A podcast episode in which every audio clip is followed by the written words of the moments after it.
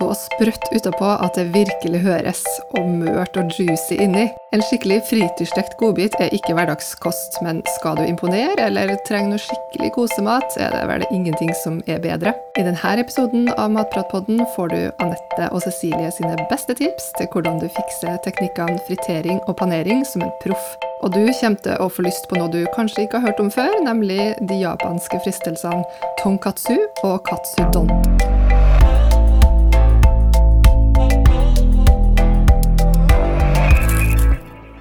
Du hører på Matpratpodden. Jeg heter Lisa Ekli, og med meg fra sitt hjemmekontor har jeg matpratkokk Anette Fjelleng Hansen.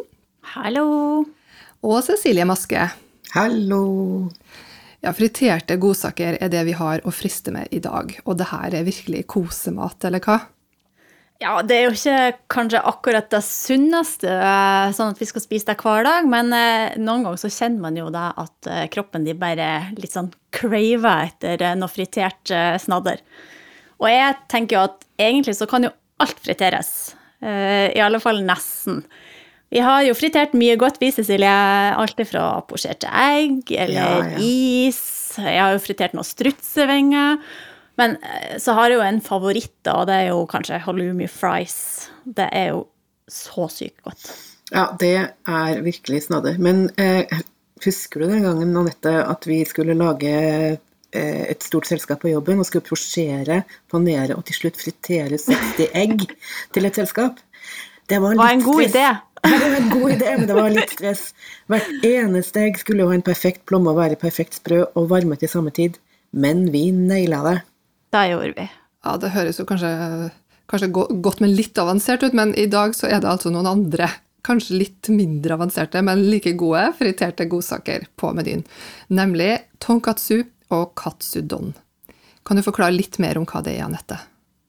Ja, altså tonkatsu det er jo en sånn type japansk svinesnitsel. Den får jo Altså tong eh, betyr jo svin på japansk, visstnok. Eh, og så den her eh, katsu det, har, eh, det navnet kommer fra eh, en forkortelse av koteletter, da.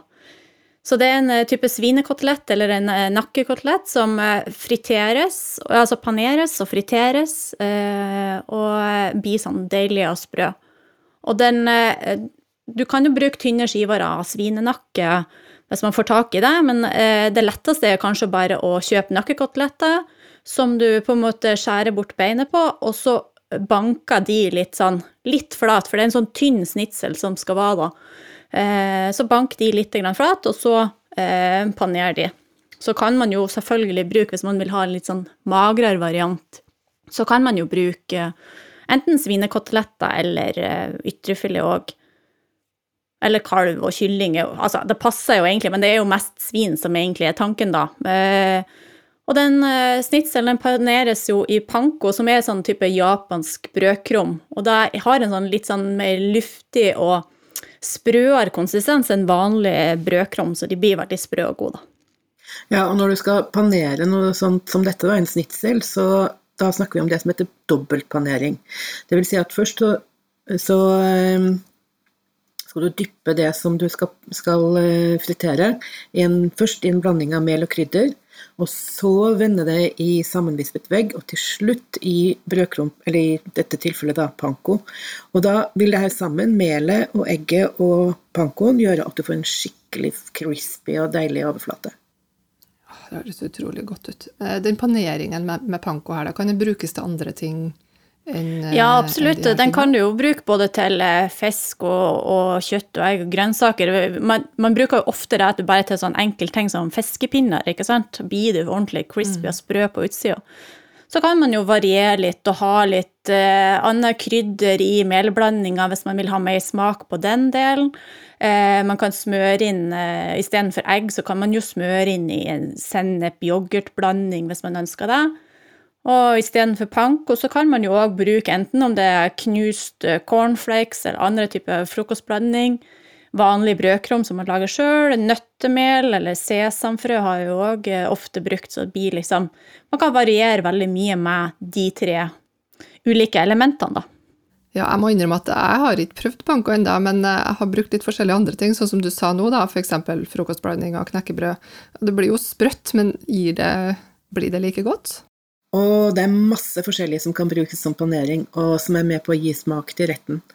Selv så bruker jeg veldig ofte å bare ta gammelt brød hjemmefra og lage mitt eget brødkron.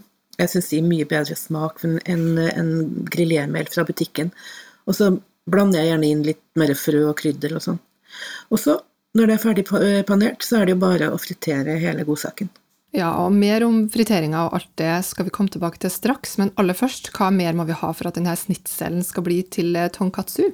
Ja, det er jo egentlig ganske enkelt tilbehør. Eh, finsnitta kål, som man enten snitter på en mandolin hvis man har det, eller du kan bruke en sånn grønnsaksgrell eller osthøvel, sånn at du får ordentlig tynne, tynne, super, eh, altså supertynne strimler med kål. Og de er òg veldig gode å legge i litt isvann, så de blir ordentlig sånn crispy og sprø til du skal servere de. Og så er det jo selvfølgelig en eh, sånn tonkatsu-saus. Eh, det er et eh, must-have til denne retten. Det er en sånn type asiatisk barbecue-saus, vil jeg si. Den er både litt sånn søt og litt skarp i smaken. Og vi har jo lagd en som vi bare har brukt fire ingredienser på. Ketsjup, brunt sukker, soyasaus, og så den der eh, sausen, vet du, Cecilie. Den Å, du mener Worcestershire sauce? ja. ja. Du, ja, den der overlot du greit nok til meg. Så du slapp å uttale navnet sjøl. ja, ja. Slik Anette. Men altså, det er en veldig god og kjempeenkel saus. Og den kan selvfølgelig lages helt fra bunnen av. Ikke Worcestershire-sausen, altså, men den her asiatiske. Den er, men det geniale med å kunne bruke sånne ferdige sauser, er jo at, eh, at bl.a. ketsjup og Worcestershire-saus inneholder mye av de smakene som vi er på jakt etter. Både frukt, fruktighet og syre og sødme og krydder. Og i hverdagen så er det ganske greit å, å jukse litt og ikke lage alt fra bunnen. Ja, så vil jeg absolutt si at Litt sånn som med barbecue-saus òg, at hvis du eh, lager en eh, litt større porsjon som du fyller på litt sånn eh, spruteflasker eller gamle ketsjupflasker og så har stående i kjøleskapet, så vil jo det her bare utvikle Smakene vil jo utvikle seg over tid, så den sausen blir jo bare enkle, altså bedre og bedre, sjøl om den i utgangspunktet er ganske enkel sånn sett. Og da holder det jo seg i hvert fall tre-fire måneder, så da har du liksom alltids eh, sausen klar når du får lyst på katsudon eller tonkatsu. ja, og neste rett eh, som du var inne på nå, da, er jo da katsudon. Og jeg har jo forstått det sånn at det er på en måte en tonkatsu med en twist, er det ikke sånn, Cecilie? Enkelt forklart så kan vi vel si at den store forskjellen mellom en eh, katsudon og en tonkatsu er at en katsudon er en tonkatsu med en omelett.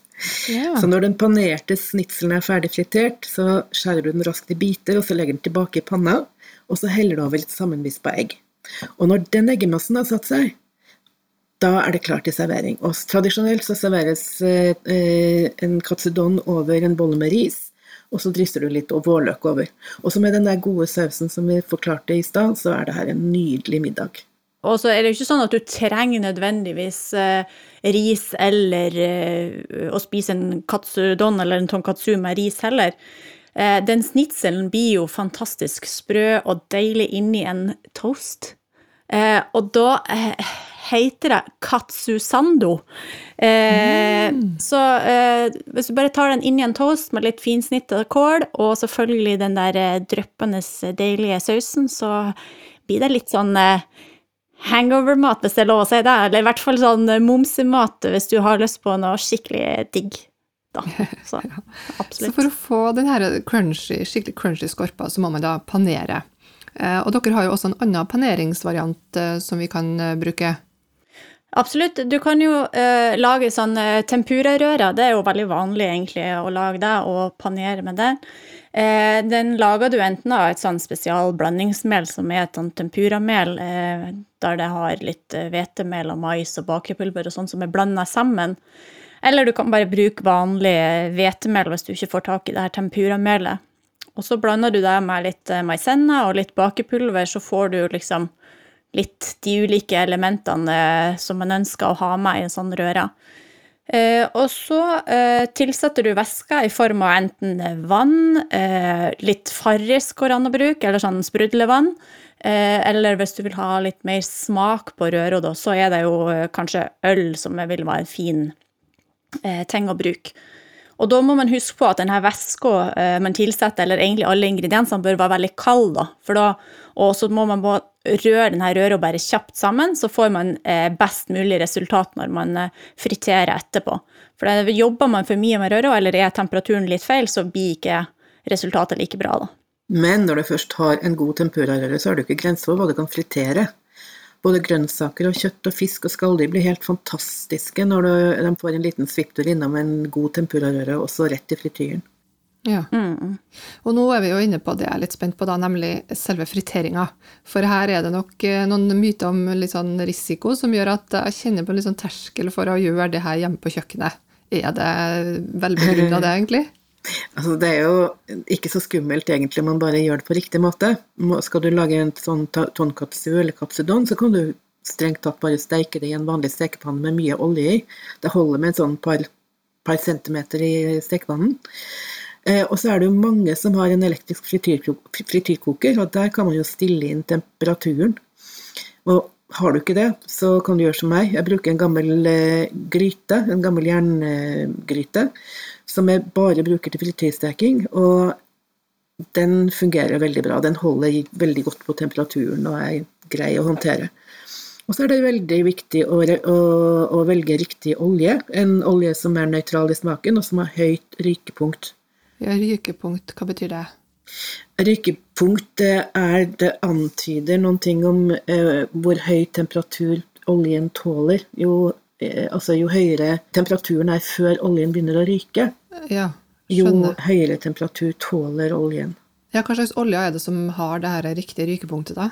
Altså, det finnes spesielle frityr, frityroljer eh, som er laget nettopp for det eh, formålet. Eller så er det solsikkeolje og rapsolje og maisolje som også er fine å bruke. Og I andre land så bruker de faktisk mye kokosolje og palmeolje til å fritere. Når du har valgt olje, så er det egentlig bare å fylle opp så mye olje i den kjelen du skal bruke, at, eh, at det som du skal fritere, eh, så vidt dekkes. Eh, Det er veldig viktig også da å ikke fylle for mye olje i. Det skal ikke fylles mer enn halvveis, fordi at det kan begynne å bruse kraftig når du legger i de tingene som skal friteres, og da kan det koke over, og ikke noe særlig. Nei, det er sant. Og, og i tillegg så er det jo liksom Uansett hvilken olje du velger, eller eh, sånn, så er jo eh, viktig å følge med på temperatur òg. Eh, du bør jo fritere sånn En regel er jo sånn cirka at du bør fritere rundt 180 grader. Eh, noen ganger kanskje litt lavere, men eh, mest mulig stabil temperatur, da. Så hvis du, hiver oppi for mye mat eh, i gangen, eh, så senker jo temperaturen seg, eller hvis du er litt for oppmerksom, så kan jo temperaturen òg bli for høy. Får du for lav eh, temperatur, så vil jo maten trekke til seg mye mer olje, og sånn sett bli liksom mer soggy og feit, og det blir jo ikke noe godt å spise heller.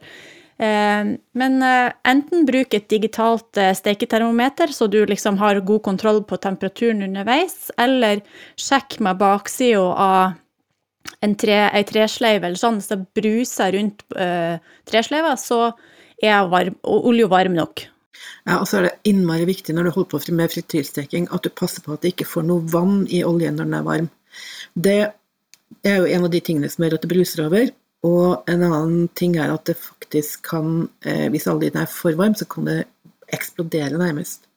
Så tørk veldig, veldig godt av det du skal fritere, før du panerer det. Og skulle uhellet være ute, og du virkelig tar fyr, så for guds skyld ikke forsøk å å slukke brannen med vann. Da eksploderer det virkelig. Ha et lokk liggende klart, alltid, og sleng det på gryten, så kveler det flammene med en gang. Ja, så her eh, kan man ikke multitaske så mye, da, skjønner jeg, mens man holder på med det her. Nei, konsentrer deg om jobben. ja, som Cecilie sier, så ha et lokk eh, liggende klart, bare for sikkerhets skyld. Og eh, det skal jo veldig mye til at det her skjer. Eh, man trenger jo ikke å nødvendigvis være redd, men noen forhåndsregler og, og litt sånn ikke så mange sjanser kanskje når man skal fritere, så er man eh, litt tryggere i alle fall.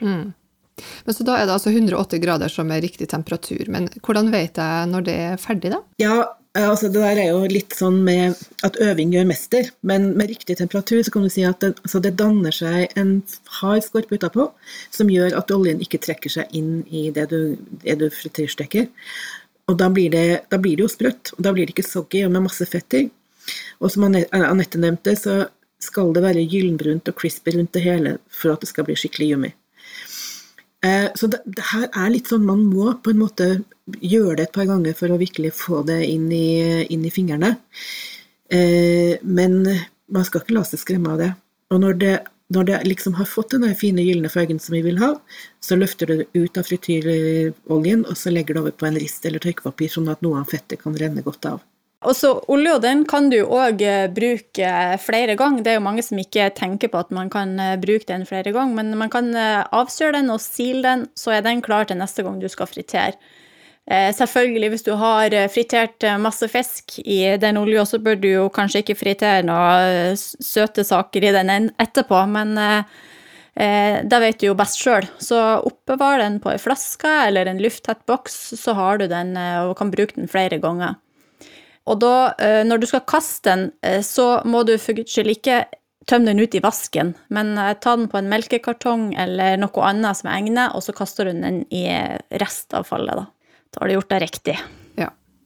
Ok, så nå har vi snakka om to japanske godsaker, men vi kan ikke ha en hel episode om fritering uten å snakke om det alle tenker på, nemlig pommes frites. Så nå trenger vi altså deres beste tips for perfekt pommes frites. Ok. Altså Det viktigste da er å kutte potetene i omtrent like store biter, og å få vasket ut så mye av stivelse av potetene etter at de er skåret, skåret opp. Og så selvfølgelig tørke godt. Vann og olje er ikke bra sammen. Og så skal du ha riktig temperatur, ikke for mye av gangen, og så skal du steke eller fritere dem to ganger. Først forsteke dem til de har liksom fått litt farge og begynner å bli litt Eh, litt stekt. La dem renne godt av seg, og så ha dem tilbake i omganger i frityrgryta til de får en fin og gyllen farge. Så er det viktig at de får renne godt av seg etterpå. Og så kan det gå an å holde dem varme i stekeovnen til du skal servere. Ok, og her er det kanskje best å bruke poteter som du skjærer opp, eller, eh, eller blir det like bra med frossenvarianten? Du kan absolutt bruke frossenvarianten. Men eh, hvis du virkelig, virkelig skal smelte til, som eh, min venn hesten gjør, eh, altså det vil si mitt idol, hesten Blumenthal, det er jo han som introduserte det her triple fried chips. Eh, og det han gjør, det er jo selvfølgelig som å kjøre bort stivelse, som Cecilie nevner. Eh, men han koker da altså potetstavene eller potetbåtene, eller i hvilken form du ønsker de, til de er eh, mør. Eh, og da har en gjerne òg litt sånn natron i vannet som gjør at poteten blir enda mer porøs, og sånn sett òg vil da ta eh, til seg mer eh, Altså bli sprøere, da. Så tørker han de, legger de i fryseren. Eh, så de er liksom litt sånn halvfrossen før han friterer de én gang på litt sånn lavere temperatur. Det er jo òg sånn dobbeltfritering som Cecilie nevnte på den forrige. Eh, at du tar først ett et steg, eh, og så legger han det tilbake inn i fryseren igjen. Eh, før han friterer på nytt en siste gang med litt sånn høyere temperatur, 180 grader, da. Og da blir de helt sånn crispy på utsida, men så får de sånn utrolig god og mjuk eh, innside òg. Det kan du gjøre på eh, frosne chips fra frysedisken, du kan gjøre det på søtpotetchips, og du kan gjøre det på eh, ordentlige potetchips som du lager sjøl. Det blir utrolig, utrolig godt. Ja, altså det er jo litt tidkrevende å gjøre det på hestens eh, metode, men det er jo så digg, og det blir så godt. Det er så sykt verdt det. Da håper vi at du som hører på, har fått vite det du trenger for å ta fram frityrgryta og lage deg noe skikkelig sprøtt og digg i helga, eller en helt vanlig kveld. Tagg oss gjerne, eller bruk hashtag matprat. Og har du spørsmål du vil at vi skal ta opp her i Matpratpodden, så send oss gjerne en e-post på post1matprat.no, eller send oss en melding på Facebook eller Instagram. Vi høres!